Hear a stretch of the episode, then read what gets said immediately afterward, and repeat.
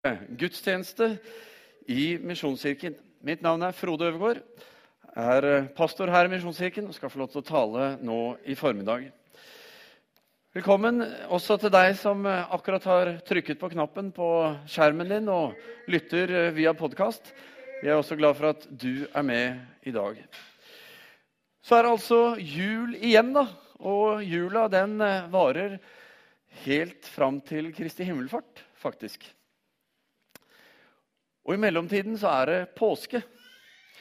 Jul det handler om at uh, Gud blir menneske, om at Gud tar bolig midt iblant oss.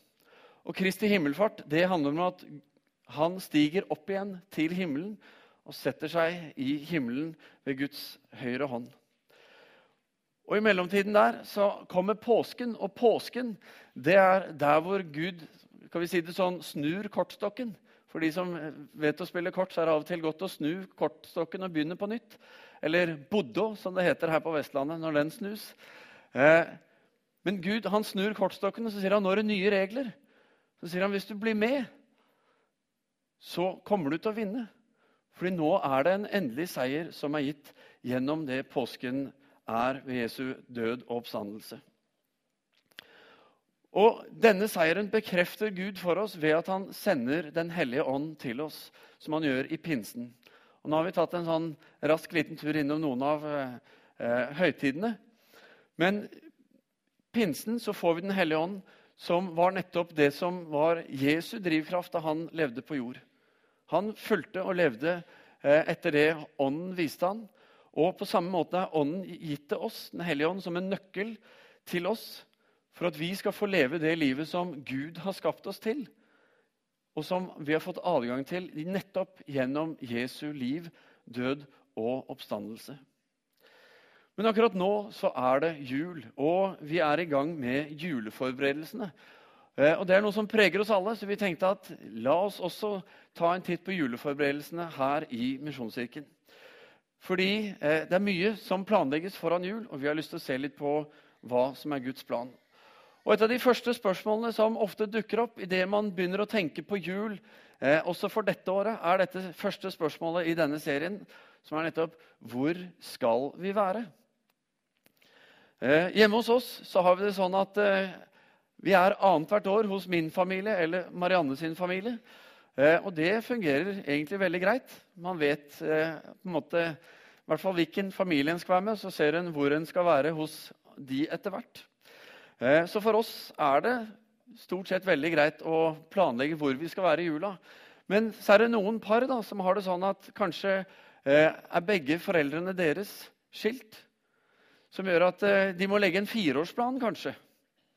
Og så er det sånn at noen av disse foreldrene de har eh, masse familie og måte, rammer rundt seg som gjør at de klarer seg bra i jula. Mens noen er kanskje litt mer enslige hvis ikke de får besøk av nettopp deg. Og så er det sånn at eh, Når du planlegger hvor du skal være, så føler du kanskje at du burde vært mer hos de. Fordi når du snakker med dem og du sier hvor du skal være, så sier de ja, så dere skal dit. Ja, ja, jeg blir vel alene igjen jeg denne julen. Og så sitter man med litt den derre åh, man skulle ønske at man kunne gjøre noe mer. Og hvor skal vi være? Kan bli en utfordrende problemstilling. I denne serien skal vi også se nærmere på Guds plan og Guds forberedelser til julen, som vi feirer år etter år etter år, og som vi nå igjen har satt i gang med å skal feire i år. I Mika, en av småprofetene i Det gamle testamentet, i kapittel 5, så eh, står det Du, Betlehem, Efrata, minst blant slektene i Juda. Fra deg lar jeg en hersker over Israel komme. Hans opphav er fra gammel tid, fra eldgamle dager. Gud hadde en plan om at himmel og jord skulle møtes. Og han hadde sett for seg hvor dette skulle skje. Han hadde en, et eierskap til noe som lå langt der framme, og som han ga et bilde av gjennom bl.a. denne profetien. Jeg husker da jeg var liten, Eh, fra jeg var fem år til jeg var ti år, så bodde jeg i Stavanger. Pappa han var pastor i menigheten her. Og vi bodde på Stokka, og vi eh, feiret jul i Misjonskirken. Og siden eh, både mamma og pappa er fra Østlandet, så betydde det at alt jeg hadde av besteforeldre, og onkler og tanter og fetter og kusiner, de var der. Så det å få besøk av f.eks. besteforeldre i forbindelse med jula, det ga julen en enda en måte, større eh, betydning for meg. For ikke bare gledet jeg meg til jul, men jeg skulle også få lov til å kjenne enda mer på den nærheten og varmen som det var eh, å ha familie. Ha en måte en enda større følelse av det å være hjemme. Så f.eks. det å ha besøk av farfar da, eh, og farmor. Men farfar er en sånn guttegreie. da. Det å ha farfar der og få lov til å sitte på fanget hans, sitte i armkroken hans og bare kjenne på den ekstra på måte, gleden og varmen og eh, det nærværet, det var noe som løftet julen for lille Frode den gangen. Og som jeg husker godt. Og ikke minst var jo farfar den som kom med de beste gavene. og Det er jo selvfølgelig en, en viktig dimensjon ved det. Jeg eh, skal ikke legge skjul på det, men jeg, jeg ser for meg eh, han og meg sammen på julaften. Og det er noe som eh, måtte gjøre at julen ble ekstra spesiell. Det, ble, eh, det var noe med et hjem ble enda mer hjem, på en måte. Gud han har sett fram mot julen siden tidenes morgen. Det har vært en del av hans plan for oss som mennesker. Når Adam og Eva eh, brøt med Guds vilje, altså ikke gjorde det Gud ønsket for dem, og valgte heller å lytte til slangen og ta parti med han, så kom synden til verden. Da ble det et brudd i relasjonen mellom Gud og menneske. Og fordi Gud er hellig og ikke tåler synd, så tilsa det at Gud og mennesker kunne ikke lenger leve i den relasjonen, det fellesskapet, som Gud hadde skapt det til, som var Guds eh, plan og vilje. Og som vi ser gjennom Det gamle testamentet og gjennom historien, hvor vi leser om Gud, så ser vi at Gud han lengter etter at det fellesskapet skal bli gjenopprettet. Han lengter etter at mennesker skal si ja, jeg har lyst til å komme til deg, jeg har lyst til å følge din vei, jeg har lyst til å få del i det du har skapt meg til. Og Gud har en plan. Han har noe han forbereder for at dette skal kunne skje. Eh, og når vi skal, skal vi se på eh, lang tid tilbake, helt i begynnelsen av Bibelen, omtrent i første Mosebok, i kapittel 5, så står det noe som er relevant for oss i forbindelse med julen. Her står det dette er boken om Adams slektshistorie. Den dagen Gud skapte mennesket, gjorde han det slik at det lignet Gud. Som mann og kvinne skapte han dem. Han velsignet dem og ga dem navnet menneske den dagen de ble skapt. Da Adam var 130 år, fikk han en sønn som lignet ham, og var som hans eget bilde, og han kalte ham Sett. Og etter at Adam hadde fått Sett, levde han enda 800 år og fikk sønner og døtre. Hele Adams levetid ble 930 år. Og så døde han. Da Seth var 105 år, fikk han sønnen Enors. Skal vi ta en liten pause? Det er ti slektsledd og 32 vers som ser ganske sånn ut. Eh, og Poenget er ikke å lese alle de, men allikevel er det viktig å se på disse slektsleddene i den slektstavlen som går fra Adam og fram til Noah. Så det vi ser, er at Adam blir skapt. ikke sant? Og så ser vi at Adam får sønnen Sett. Jeg må se ned, for jeg husker ikke alle disse navnene. Eh, og Sett han får sønnen Enors. Enors får sønnen Kenan. Kenan får sønnen Mahalalel. Øvde litt på den. Mahalalel fikk sønnen Jared. Jared fikk sønnen Henok. Henok fikk sønnen Metushala. Metushala fikk sønnen Lamek og Lamek fikk sønnen Noah. For som Lamek sa da han ga sønnen sin navnet Noah, så sa han, og som det står, han skal trøste oss i vårt arbeid og i våre henders strev på den eh, Vent, ikke gå for langt nå. Eh, eh, et bilde tilbake må du. Han skal trøste oss i våre henders strev på den jord som Herren har forbannet. Alle navn har på en eller annen måte en betydning. Kanskje vet du hva navnet ditt betyr? Eh, for de som lurer på det, så betyr Frode vis eller klok. Bare var greit å understreke det? Nei da.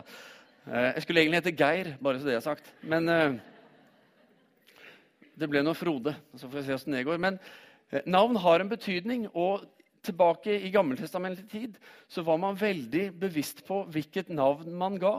Altså Navn fikk en hensikt. Det skulle bety noe og eh, måtte forandre noe eller skape noe eller være noe eller si noe om den tiden man levde i. Eh, akkurat som med Noah, som fikk navnet som betyr trøst. Men når vi leser f.eks. noe som vi ofte tenker på som uspennende, eh, en slektstavle, så kan det jo hende at nettopp fordi navnet har en betydning, så går vi glipp av noe eh, dypere og større av betydning. Og som vi ser, og som vi hørte og leste, så ga Gud Adam navnet menneske. Så Adam betyr menneske. Sett betyr utvalgt. Og Enosh betyr dødelig. Det er kanskje ikke den beste å få. Men Enosh betyr dødelig. Og Kenan betyr sorg, som heller ikke er det beste navnet å ha. Men det har en betydning. Eh, Mahalalel betyr 'av Guds herlighet'. Jared betyr 'skal komme ned'.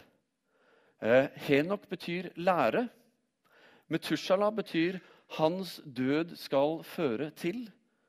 Lamek betyr 'de som fortviler'. Og Noah betyr altså trøst. Eh, på en måte så er det en historie her. Altså mennesket, utvalgt, dødelig, sorg, sier noe om noe av den historien vi har sett allerede. Av Guds herlighet skal komme ned, lære, hans død skal føre til de som fortviler, trøst. Og Med noen små, enkle ord så kan man fort lage en setning og en forståelse her som passer veldig inn. Altså mennesket som har utvalgt, som var dødelig, og som kanskje opplevde sorg. Eh, av Guds herlighet skal komme ned og lære at hans død skal føre til at de som fortviler, får trøst. Og For meg så eh, får jeg, på en måte, føler jeg at det, det, er lov å si at Gud har en plan. At Gud har tenkt noe der framme. At det ligger noe konkret i Guds plan. Og som vi leste fra Mika i stad, at altså Mika profeterte at hans opphav er fra gammel tid, fra eldgamle dager. Guds hjerte er som jeg sa i sted, å leve i fellesskap med deg og meg. Og Den primære hensikten med våre liv er å få leve livene våre ut fra relasjonen med Gud. Han som skapte oss til relasjon til fellesskap med Han. For disse navnene er en faktisk del av historien. Og de 32 versene, den slektstavlen som vi så vidt begynte på i stad, det er det vi kan lese om disse. Så vi, ikke, vi får liksom ikke vite alt mulig mer om hvorfor de fikk dette navnet og historiene rundt det. Vi sitter med på en måte dette som det som er igjen av de ti slektsleddene, primært. Eh, så det er ikke noe som noen har funnet på. Navnenes betydning det er ofte sammensetninger som gjør at man lager disse betydningene som vi snakket om. Og Gud har på sitt hjerte en dyp, dyp lengsel og et dypt, dypt ønske om at vi skal få lov til å leve i fellesskap med Han. For han ønsker å bringe noe mer inn i våre liv. Vi skal få erfare Hans kjærlighet og nåde. Erfare fred og liv og framtid. Derfor sendte han Jesus til oss. Derfor blir dette barnet født. Derfor vokser dette barnet opp og får et liv og en tjeneste som gjør at han er husket gjennom alle tider. Og Vi ser tilbake på hans liv og tenker at det må kanskje være det mest fascinerende liv i vår historie. Men han sendte for at vi skulle få bli frelst, få fellesskap og få et evig liv. I Det gamle testamentet så finnes det mange profetier som peker fram mot julen, som, eh, peker, og som gir et for forvarsel om hva som er Guds plan. Eh, og Disse profetiene de peker ikke bare på julen, men på hele Jesu liv og den rollen han skulle ha. Og Hvis det stemmer, alle disse profetiene, hvis Jesus er den som Bibelen på en måte forteller at han er, så betyr det at det som skjer i julen, er det største og viktigste som har skjedd i menneskets historie. Fordi Gud kommer til oss og blir menneske. Noe nytt er i ferd med å skje. Det er det Gud ønsker å fortelle oss. Så Vi skal bare fort se på noen av profetiene som peker fram mot Jesus, og som er med på å skape nettopp en enda større bekreftelse på at Gud forbereder noe. Han har en plan. Noe er i ferd med å skje. Og Dette er profetier som har en evig karakter, en framtidig karakter, og som sier noe som går utover det som skjer akkurat der og da i historien. Og som sier mye om denne Messias-skikkelsen som man ventet på hos jødene, og som Jesus går inn eh, i og er. For det første så eh, er det sagt over Abraham, over Isak og over Jakob og deres slekt, så er det løfter over den stammen de representerer, om at eh, det skal komme en som eh, skal ha et, et herrevelde som er større og lengre, som gjelder. Altså, slekten skal velsignes i lang tid framover. Og det er flere slike ting. Og vi ser at Jesus er nettopp en som er av denne slekten, av denne stammen, som passer inn i dette. Videre så ser vi også Eh, at Jesaja nesten 1000 år senere snakker om at eh, eh, han skal være en arving etter kong Davids trone. Og Det snakker Jesaja om i kapittel 9, og vi ser det også oppfylt gjennom teksten i Lukas 1. Videre så ser vi at han skal være salvet. Han skal være evig. Og Det er noe som vi ser i salmene, som vi ser, og som Hebrebrevets forfatter eh, viser til og måte, bekrefter gjennom Jesus.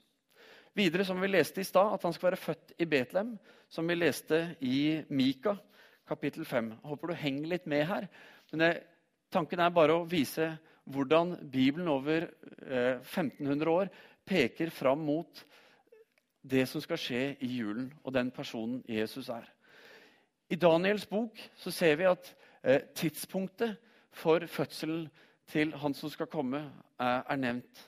Og Vi ser i Lukas 2 i juleevangeliet, som vi kjenner. ikke sant? Det skjedde i de dager at det gikk ut, ut bud fra keiser Augustus. ikke sant? Og Vi vet når keiser Augustus var, og vi vet om når Herodes var, og vi vet når Kvirinius var, som gjør at å plassere disse eh, gjør det lettere. Vel er det noe matte og, og historiekunnskap som må til. Men det viser at her er det noe som varsler at noe skal skje.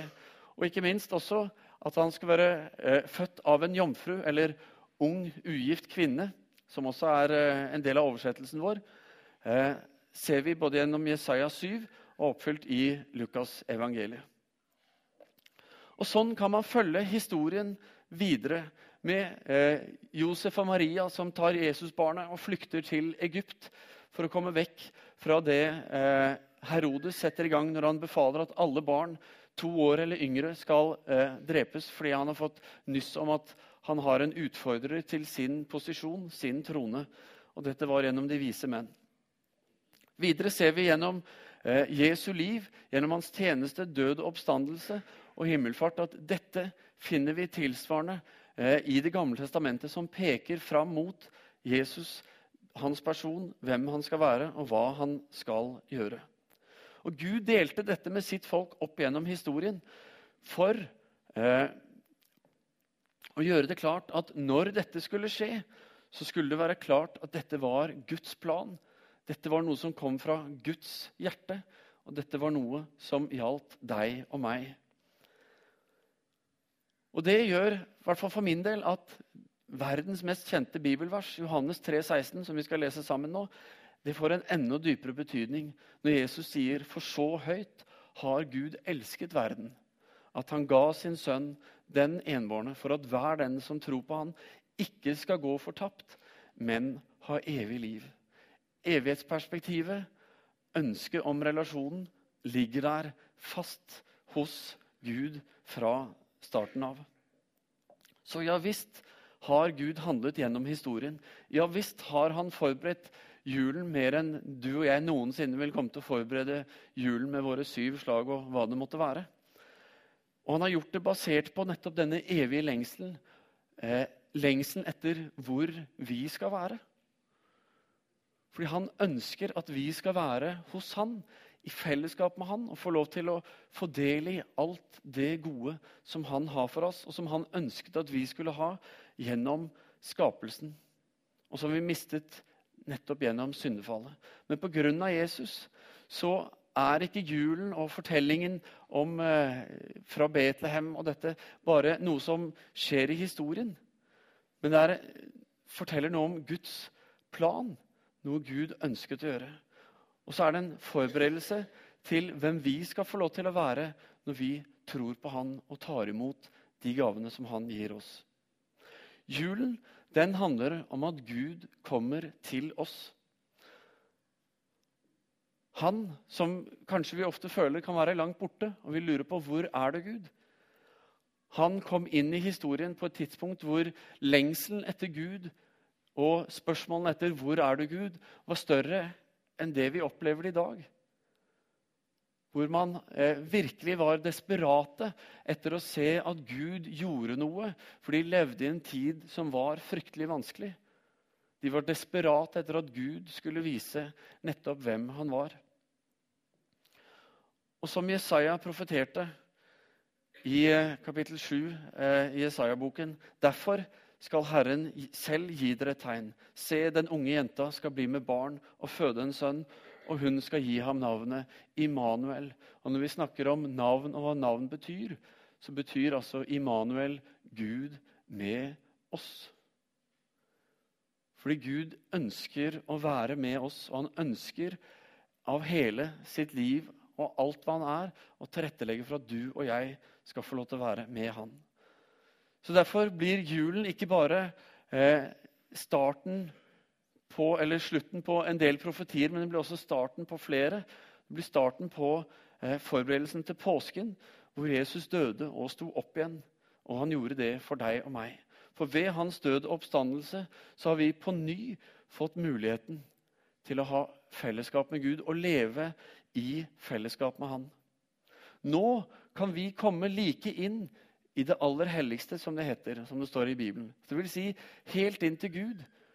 Eh, og vi trenger ikke det. eller Det er ikke fordi vi er så gode og fordi vi har vært så flinke og fordi vi er på en måte utviklet at nå har vi fått det til. Men det handler om hva Jesus gjorde for oss. Fordi ved hans død, hvor han tok på seg din og min skyld, vår straff, så eh, blir vi erklært rettferdige ved vår tro slik at vi kan komme til Gud og leve sammen med Han. Og Jo mer vi søker Gud, jo mer får Han også prege oss. Det vil si at som Han er hellig, så blir vi gjort hellige gjennom fellesskapet med Han. Og så får vi del i et liv som er mer enn det du og jeg klarer på egen hånd. Vi får del i det Jesus kom for å vise oss.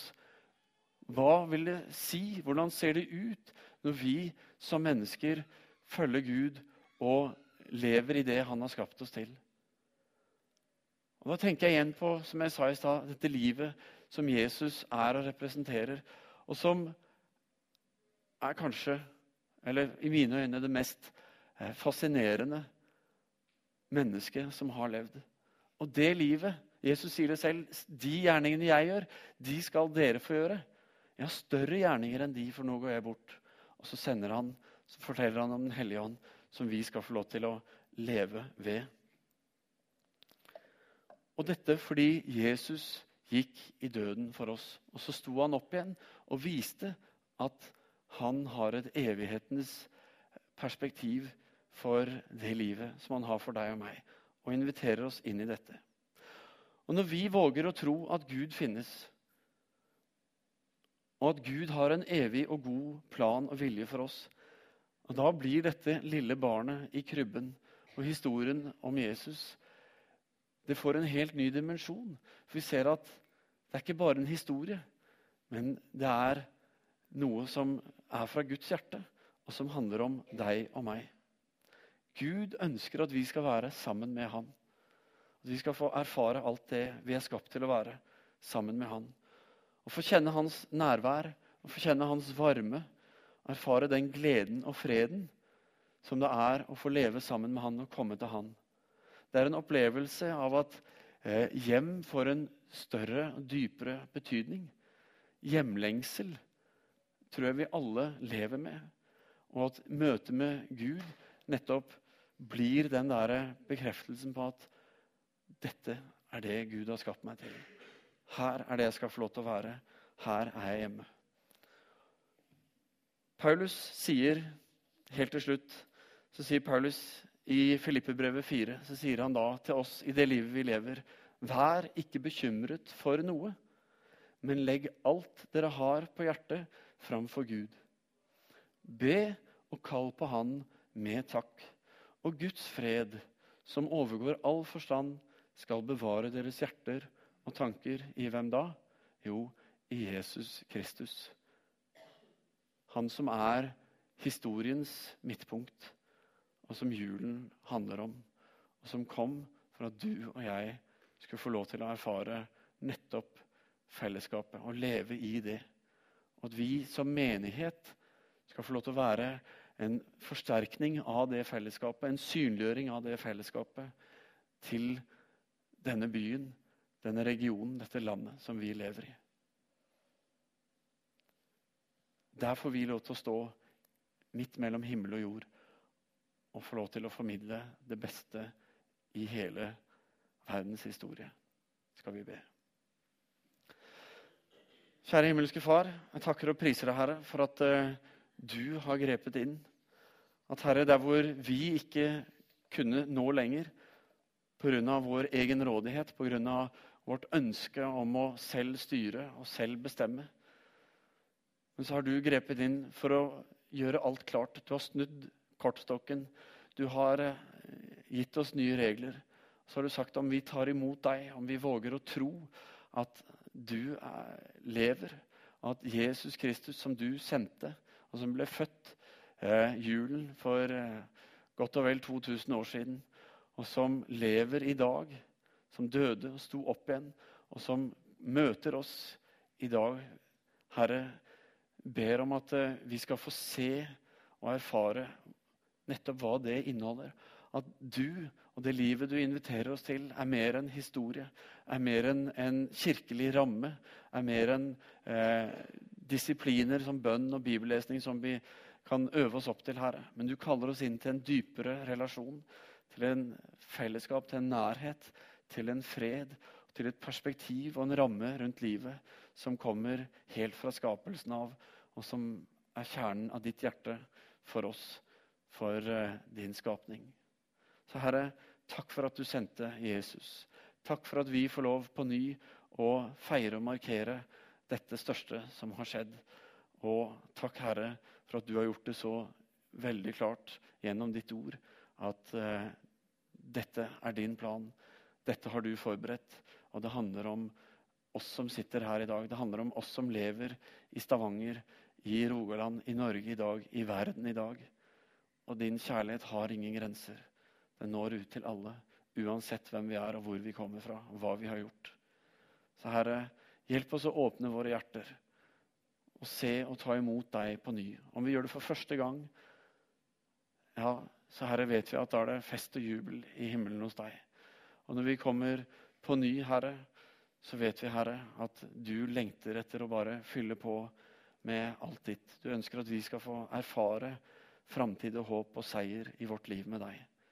Så Herre, skap noe nytt i oss denne julen. Vis oss hvem du er, og la oss virkelig få se nye dybder og få eh, søke deg enda mer med våre liv. Herre, vi priser deg, og vi takker deg for alt du har gjort. Vi ber i Jesu navn. Amen.